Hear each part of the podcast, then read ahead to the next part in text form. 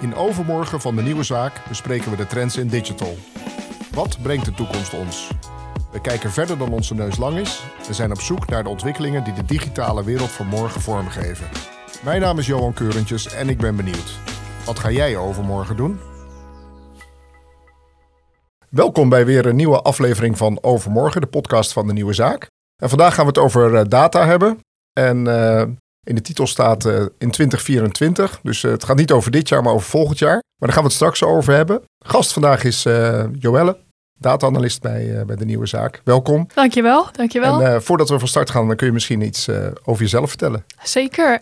nou, ik ben Joelle, webanalist bij de Nieuwe Zaak. En sinds kort ook lead van de data analytics discipline.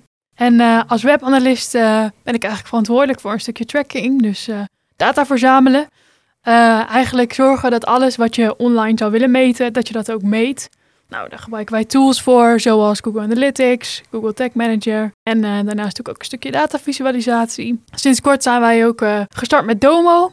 Super nice tool, heel, heel enthousiast over, dus ik moest dat, dat even noemen. Dat gaat niet over Vla, toch? Nee, nee, klopt. Domo is een data tool, dus een tool die eigenlijk alles kan op het gebied van data. En uh, ja, dus uh, van het ophalen van alle data tot het helemaal prepareren, tot het visualiseren en dashboarding. Dus uh, dat is onderdeel van de datadiscipline geworden en daar zijn we mega enthousiast over. Ja, want dat is wereldwijd een state-of-the-art tool, toch? Klopt, ja, ja, klopt.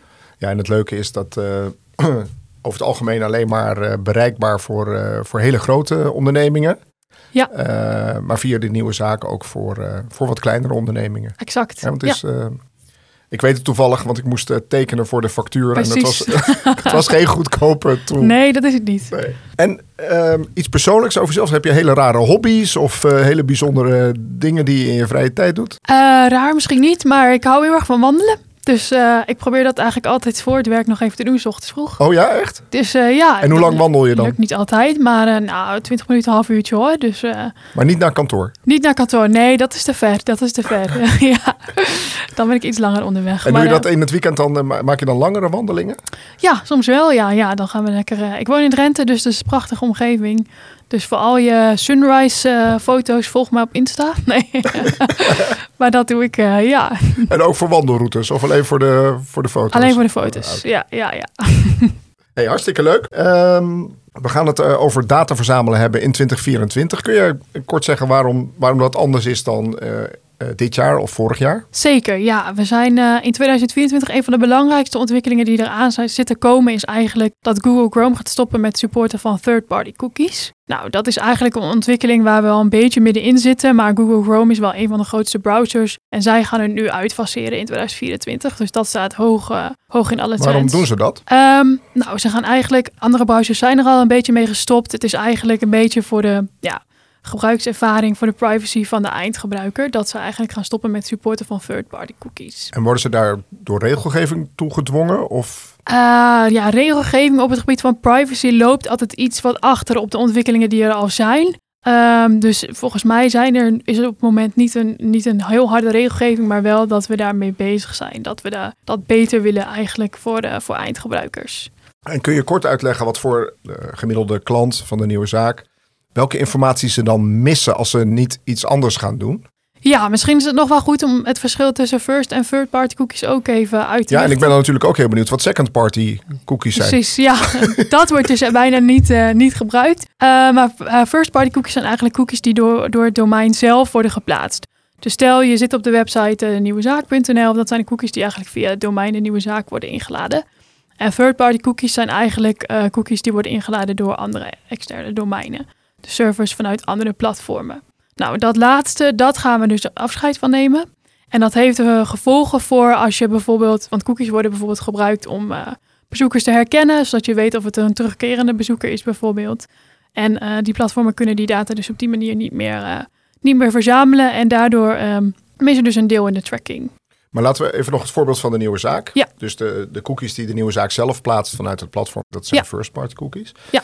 Ik, ik kom op de site van de nieuwe zaak. Welke third-party cookies worden er dan nu bij mij geplaatst, bijvoorbeeld? Nou, uh, wij maken bijvoorbeeld gebruik van Google Analytics. We maken bijvoorbeeld ook gebruik van Google Ads. Die platformen kunnen dus niet meer via third-party cookies uh, dingen verzamelen via onze website. En um, is het dan ook uh, als ik, ik zeg maar wat, op LinkedIn ben geweest en die hebben een cookie geplaatst, dat zij ook kunnen zien dat ik eh, dat ze mij dan ook kunnen volgen op de website van de nieuwe zaak? Ja, bijvoorbeeld. Ja, dat is, dat is informatie die dus via de andere uh, domeinen daarvoor wordt getracked. Nou kunnen, zij ook, kunnen wij ook zorgen dat we het via first-party cookies inladen, waardoor we wel een deel van de informatie doorgeven, maar ja, je bent wel beperkter geworden. En dan, toch even, want ik, uh, ik heb er nooit over nagedacht. Maar wat zijn dan second party cookies? Of is dat een lastige vraag? Dat is wel redelijk complex. En dat, uh, om er een goed antwoord op te geven, dat is misschien wat lastig uit te leggen. En dat wordt eigenlijk ook nauwelijks gebruikt. Dus Oké, ja. nou, ik ga het uh, aan de ChatGPT vragen straks. Ja, lijkt me goed. lijkt me goed. Uh, Helemaal. Nog even, uh, want ehm, je ziet ook bij de cookie meldingen en zo zie je vaak daadwerkelijk uh, over het algemeen chocolate chip uh, cookies, geloof ik. Ja, heerlijk. Uh, maar een cookie is eigenlijk een stukje code, hè? Ja, is eigenlijk een soort tekstbestand die op het apparaat van de gebruiker wordt geplaatst. En met dat bestand kun je. Ja, daar zit dus, bevat dus informatie over bijvoorbeeld de gebruiker. Dus een cookie aan zich kan van alles hebben. Bijvoorbeeld uh, een click-ID, dat soort zaken kunnen allemaal opgeslagen worden in cookies. Eigenlijk, you name it, en je kunt het opslaan in cookies.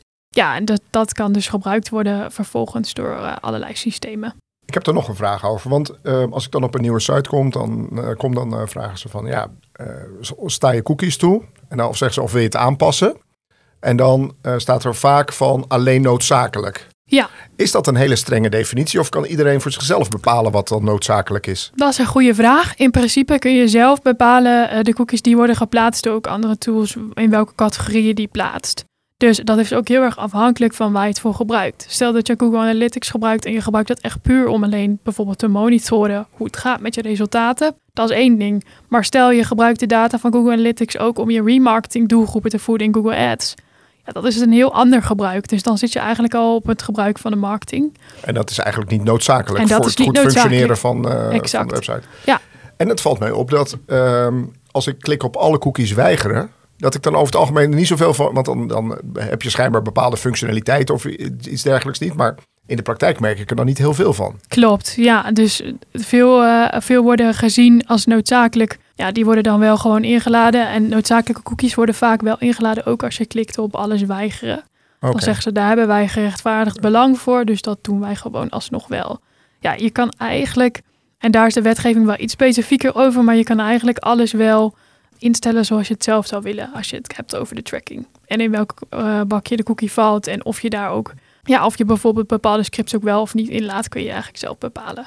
Ik ben ook wel benieuwd um, hoe jij daar uh, in je persoonlijke leven mee omgaat. Want jij weet natuurlijk precies wat er gebeurt op het moment dat je cookies uh, accepteert. Als ik voor mezelf spreek, ik ben al snel, nou oké, okay, denk het is een betrouwbare partij, dus laat maar gaan. Ik accepteer het wel. En dan bij anderen misschien uh, wat minder. Met name als ik kijk naar bepaalde Formule 1 nieuws, wat ik op een bepaalde dodgy site. Want dan moet je lezen, ja, ja, ja. ja. Dus, maar hoe ga je daar zelf mee om? Ben je daar zelf heel makkelijk in? Of ben je juist, ga je heel precies iedere keer te werk? Eigenlijk, ja, je weet wat we er eigenlijk mee doen en wat voor informatie eigenlijk allemaal verzamelen. Maar als ik op zoek ben naar informatie, dan klik ik vaak toch ook wel op accepteren. Vaak omdat het makkelijk is. En uh, heel veel sites hebben bijvoorbeeld een cookie banner ook niet op orde. Dat wil zeggen dat je eigenlijk alleen de optie hebt om de cookies te accepteren. Nou, dan denk ik, oké, prima, als ik de informatie echt wil. Zo niet, hè, een beetje shady nieuwsartikelen. Dan denk ik, nou, misschien is dit een, een, uh, een goede reden nee. om hier niet verder op door te zoeken.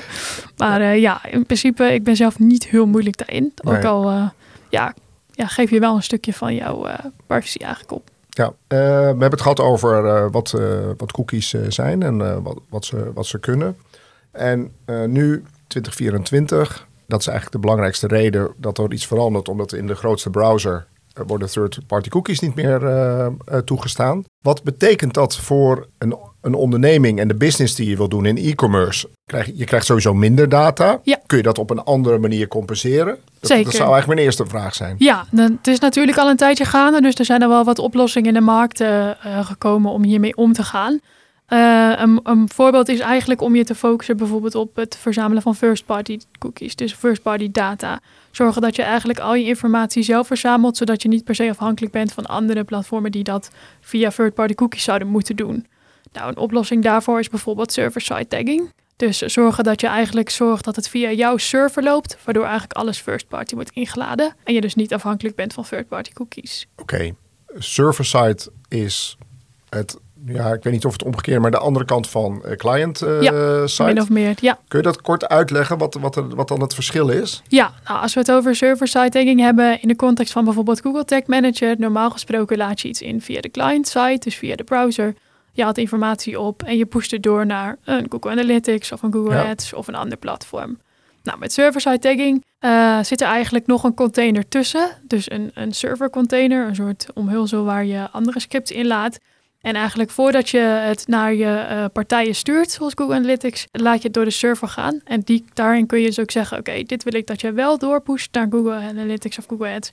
En dit niet. Dus je hebt ook nog eens meer controle over je data en het wordt first party ingeladen. Oké, dus je hebt een extra filter. Ja, min En- of- en ja is- zo zou je het kunnen zien. Het is best technisch wat complex, maar ja. ja, zo is dat. Oké, dus ehm, wat je eigenlijk zegt, bij het wegvallen van third party gaan we meer first party. Ja. Cookies Ja. plaatsen en dat doen we dan op een andere manier, zodat dat... Ja, en een andere manier van first party data verzamelen zou ook kunnen zijn door het gebruik van een CDP, een Customer Data Platform. Dat je eigenlijk al je informatie zelf verzamelt in een platform stopt en dat dan eventueel doorpusht naar andere platformen. Dus dan hou je het ook bij jezelf. Maar dat is dan, eh, als je nog geen customer data eh, platform hebt, een Ja. CDP, dan is dat best wel weer een investering Dat om is te ze- doen. vaak een, zeker een investering. Dus ja, dat zijn, eh, net als server-side tagging is ook niet gratis. Nee? Daar zitten wel, eh, wel kosten aan. Ja, en die kant gaan we wel wat meer op als we het hebben over dataverzameling. Als je die data daadwerkelijk ook eh wilt Ja. hebben. Dat is ook een goede vraag inderdaad. Heb je alle data altijd nodig? Ja, want dat is wel interessant dat je dat zegt. Want je hebt natuurlijk de neiging om alles wat je kunt Precies. verzamelen ook verzameld. Ja, Jullie zijn een soort hoorders. Die, eh, die, ge- geef me maar, kom maar. Wordt daar voldoende kritisch naar gekeken? Van, eh, ja, wat je allemaal, want je kan natuurlijk ook denken, ja, die data, als ik ze heb, kan ik misschien in de toekomst. Nu weet ik het nog niet, maar in de toekomst ja. misschien wel. Ja, nou daar probeer ik me wel wat kritischer op te zijn. Want eh, het is echt, ja, ik vind het heel leuk. Wat mij betreft verzamelen alle data, maar dient dat ook een doel? Dus zeg altijd eigenlijk hier hebben we daar een use case voor. Wat ga je met deze data doen? Niet alleen omdat het soms lastig is om dingen te verzamelen of in te stellen, maar ook omdat je eh, soms aan limieten zit voor data tracking of dat je je website extra belast als je meer tracking instelt. Waardoor die misschien langzamer Waardoor die wordt. langzamer gaat, de ja. user experience achteruit gaat. Precies. En dat soort dingen moet je eigenlijk altijd wel in het achterhoofd meenemen als je het hebt over ja, welke data willen we eigenlijk allemaal tracken en is dat ook echt nodig.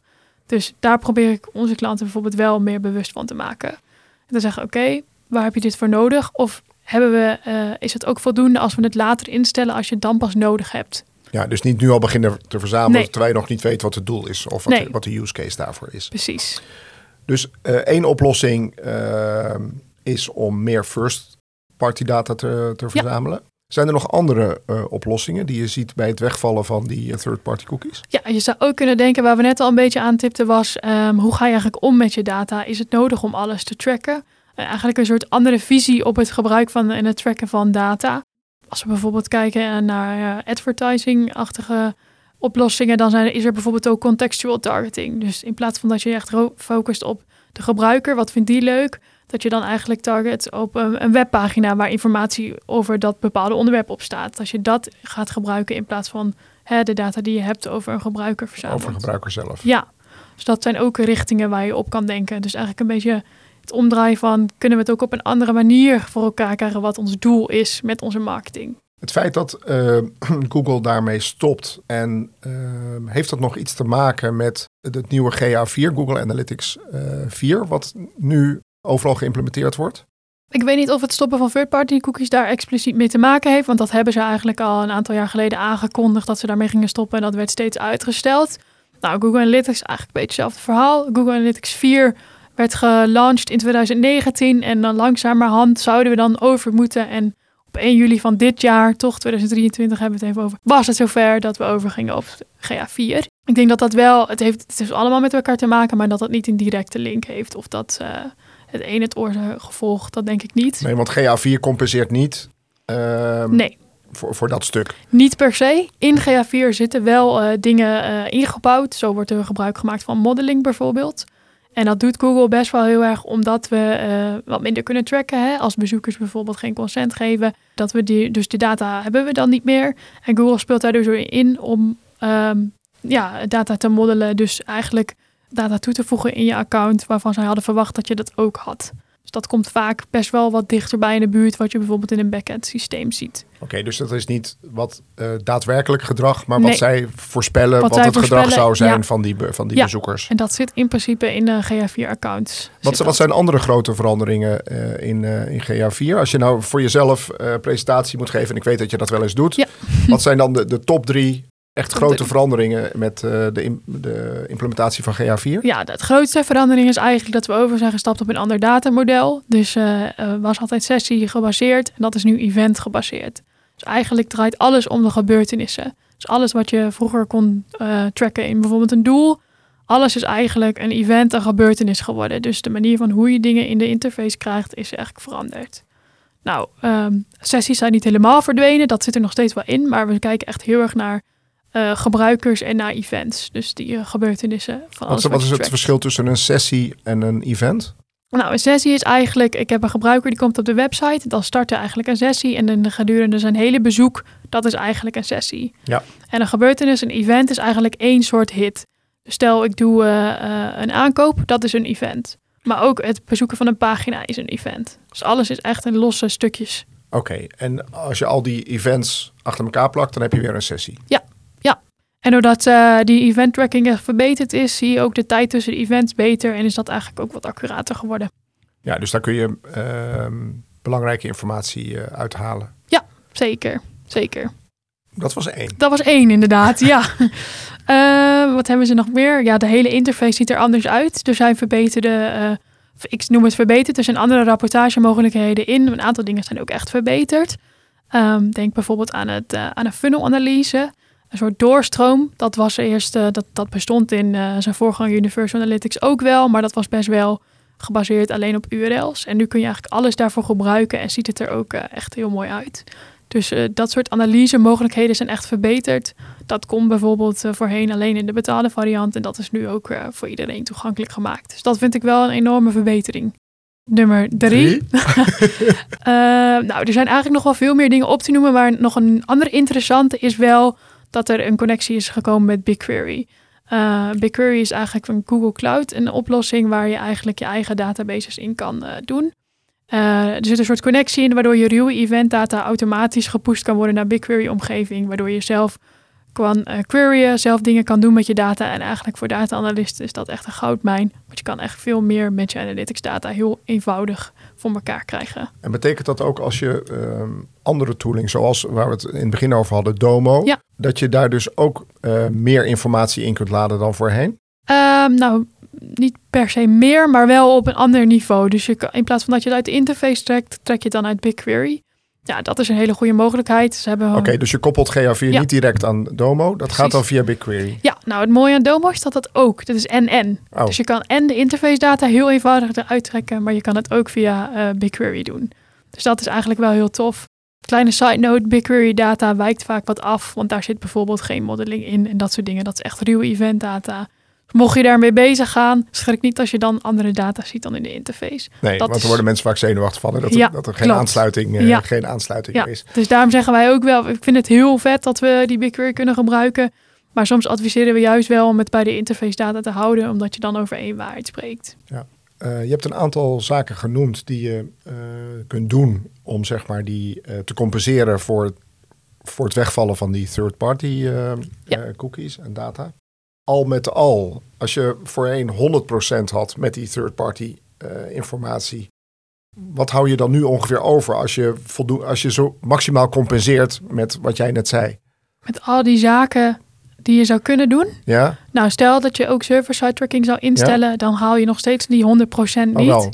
Oh niet? Nee, nee, dat is eigenlijk bijna niet te doen. Het is ook wel gevaarlijk streven, zou ik zeggen, als je al die tijd daarin gaat steken, want levert dat echt meerwaarde Nee, op. maar, maar meer geval van Ja. zit je dan op 60%, 80% of... verschilt een beetje. Het ligt er echt een beetje aan ook de bezoekers die je hebt op je website, hoe die met dingen omgaan. Ehm, maar als je ehm, ja, 10, 15, 20 procent verlies hebt, dan zit je redelijk binnen de kaders. Ja, En wordt daarmee je, je, je data, je betrouwbaarheid, wat je ermee kunt, wordt, dat, eh, wordt het minder betrouwbaar? Of heb je minder eh, informatie waar je eh, beslissingen op kan baseren? Ehm goeie vraag. Ja, als je echt heel veel dingen mist, ja, op een gegeven punt, dan kom je wel op een punt dat het minder betrouwbaar wordt. Maar voordat je daar bent, dan moet je echt wel zoveel dataverlies hebben. En dat gebeurt eigenlijk niet zo heel erg vaak. Nou, als we bijvoorbeeld Google Analytics als voorbeeld nemen als tool. Ja, eigenlijk is dat ook een tool om meer te sturen op de trends. Om te zien hoe het hoog overgaat. Ja. Dan echt exact op het getal nauwkeurig te kunnen sturen. En dan zou ik zeggen dat het daar prima aan voldoet. En maakt het voor mij als gebruiker nog uit dat ik, eh, of ik wel of niet eh, eh, getracked word? In, mijn, in, in de ervaring die ik heb? Ehm, ja, voor gebruikers, dat verschilt eigenlijk ook natuurlijk precies hoe je het maar instelt en hoe de site daarmee omgaat. Uh, maar de meeste gebruikers vinden het allemaal wel een beetje spannend en eng. Maar je kan het eigenlijk ook omdraaien. Want als je wel getracked wordt, kan je ook bijvoorbeeld meer gepersonaliseerde content zien. Hè, advertenties die aansluiten op jouw wensen. Mensen vinden dat vaak een beetje creepy, maar, maar eigenlijk is het ook nice. Hoeveel uh, e-commerce sites doen dat nou daadwerkelijk? Dus die, dat, dat de, de site zich aanpast aan uh, wie ik ben, mijn gedrag. Want iedereen wil dat natuurlijk wel, maar gebeurt het ook al heel veel? Dat uh, het personaliseren? Ja. Nou, dat is wel een goede vraag. Ik weet niet of dat. Ik denk niet dat dat zo gigantisch groot is nog. Nee. We weten natuurlijk dat er partijen als Amazon en ook een, ja. een Bol en ja, maken daar gebruik van. Het, het gebeurt zeker, maar als ik kijk naar uh, ja, het verschilt bij onze klanten, een aantal doen het, een aantal doen het ook niet. En personalisatie op de website is best wel wel een flinke stap, want je moet daar ook wel tooling en zo voor gebruiken. En kun jij dan ook uh, op het moment dat ik als uh, business owner die beslissing neem, oké, ik ga investeren in personalisatie, ook van mijn, uh, van, mijn, van mijn website. Kun jij dan achteraf of na een aantal maanden zeggen van nou dat heeft zoveel opgeleverd? Uh, het mooiste is als we daar bijvoorbeeld een AB-test voor zouden doen. Dus mensen in de conditie waar dat niet gebeurt en mensen in de conditie waar dat wel gebeurt, daar kun je heel duidelijk het verschil aantonen of dat heeft gewerkt of niet. Maar dat zou je natuurlijk ook kunnen doen in die overstap uh, die je nu maakt. Van, nou, laten we in eerste instantie maar even die third-party dingen uitzetten. Ja. En kijken wat, en, en, in een AB-test AB of dat daadwerkelijk verschil maakt. Dat zou eventueel kunnen. Het is wel lastiger, denk ik, technisch aan de achterkant om dat helemaal voor elkaar te krijgen. Om dat in een AB-test te doen. Ja, dat snap ik. Want ja. Ja, maar het zou wel mooi zijn, want dan weet je ook van ja, hoeveel moet ik investeren in compensatie. Want exact, als het uiteindelijk niet zoveel uitmaakt. Het zou wel een interessante use case zijn. Ja. Nou, die geef ik jou dan mee voor morgen. Top. um, dit is niet uh, per se um, mijn onderwerp waar ik, uh, het onderwerp waar ik heel veel van af weet. Dus voordat we afsluiten wil ik graag weten van... zijn er nou nog dingen op dit of onderwerpen die we niet hebben aangeraakt... maar wel heel erg van belang zijn als je het hebt over het verzamelen van data in 2024? Oeh, over het verzamelen van data. Wat is nog meer interessant? Goeie vraag, trends. Ja, de belangrijkste hebben we wel gehad. Ik zit even te denken. Sowieso omgaan met GA4. Ik denk dat dat nog een belangrijke is. Dat we daar nog middenin zitten. Dat daar nog veel vragen over spelen. En dat we daar in 2024 zeker mee verder gaan. Mee verder gaan, ja. ja. En um, ja, dat is een vraag die ik eigenlijk iedere keer stel. Gaat, gaat um, kunstmatige intelligentie gaat dat nog een rol spelen bij het verzamelen van data? Zeker. Eigenlijk doet dat in GA4 het al min of meer. Uh, Google gebruikt zijn algoritmes bijvoorbeeld al om dingen uh, te krijgen. Bijvoorbeeld dat, dat modeling, ja, ja, dat kan me voorstellen. Dus dat zit eigenlijk al een beetje in GA4. Wat ze ook hebben zijn uh, predictive audiences. Ja. Dus op basis van jouw data kunnen ze voorspellen welke groep mensen geneigd is om bijvoorbeeld in de komende zeven dagen te gaan kopen. Dus dat soort dingetjes hebben ze eigenlijk al in het platform bijvoorbeeld gebouwd. Dus dat is wel heel interessant. En ik denk dat dat ook wel gaat toenemen in de komende jaren. En um, gebruik jij, want het ene is verzamelen van data en vervolgens is het het analyseren van de data. Ja. Um, zijn daar al goede uh, AI-tools of kunstmatige intelligentie-tools voor? Ja, um, ChatGPT-4, dat is uh, volgens mij de betaalde variant. Daar, uh, daar zit een analyse um, pack in waar je eigenlijk data-analyse in kan doen. Dus je kan eigenlijk je eigen datasets uploaden en daar analyses door laten doen door de juiste prompts in te voeren. En dan gaat er eigenlijk grafieken voor je maken. Descriptive statistics, voorspellende statistics, eigenlijk al dat soort dingen kan het al. Super interessant. Zeker, ja. Dus uh, ja, dan ben jij helemaal niet meer nodig. nou, ja, iemand ik, moet ik die prompts de data verzamelen. Hè? Ja. ja. en iemand moet de prompts doen, ja, zeker. Nee, wat we nu zien, want we hebben het al gebruikt voor een aantal dingen. Dus uh, is dat het, uh, uh, het vergt nog wel de nodige aanpassingen en dingen om het helemaal goed te krijgen. Maar dat hij het, kan. kwestie van tijd, toch? Exact. Ja. Dat, dat zit erin. Heel interessant. Misschien nog voordat we afsluiten. Zie jij nog, als je nu verder kijkt dan 2024 en je kijkt misschien wel naar 2029, 2030. zie je dan nog grote veranderingen die of trends waar, waar we rekening mee moeten houden op het gebied van data verzamelen? Mm, ik denk wel dat we ons, eh, ons beeld en onze visie qua dataverzameling wat gaan moeten aanpassen. Want wat we nu veel zien is, oké, op de markt zien we uh, bepaalde browsers of instellingen die het wat moeilijker maken om te tracken. Dan gaan wij daar weer een way around op bedenken. En zo is het een beetje een kat-en-muisspel. Maar ik denk dat we op de lange termijn wel misschien moeten gaan nadenken over meer structurele oplossingen. Dat we niet constant workarounds proberen te maken om maar wat we ooit konden te kunnen blijven doen. Maar dat we op andere manieren data verzamelen en daarop gaan sturen. Dus dat is hoog over misschien wel een, voor de langere termijn. Ja, of dat je misschien op basis van andere, andere data dezelfde beslissingen kunt, uh, kunt nemen. Ja, ja. ja, dat dat het datalandschap gaat veranderen, dat staat denk ik wel vast. Super interessant. Dat is wat er volgend jaar gaat gebeuren, hebben we het over gehad. En, en wellicht daarna. Zijn we natuurlijk ook nog benieuwd wat jij overmorgen gaat doen. Nou, overmorgen is het donderdag. We nemen dit op op uh, dinsdag. En uh, sinds kort uh, doe ik een andere leuke trend, namelijk padel. Dus oh, we zijn ja. gestart met padeltraining, dus dat ga ik donderdag doen. Superleuk. Ja, ja. ik vind dat ook een, een ja. fantastische sport. En toevallig waren vorige week of twee weken daarvoor was in Amsterdam de World ja, Padel Tour. Klopt, gezien nog even, ja. Ja, ja. machtig interessant hè, wat daar ja, hoe leuk. Dat gaat. Ja.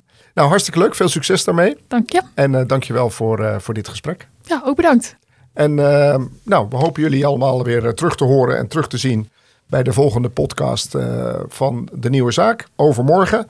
En langzamerhand gaan we toch richting 2024, niet alleen op het gebied van dataverzameling, maar gaan we ook kijken wat, wat de trends worden in volgend jaar op het gebied van digitale marketing en technologie.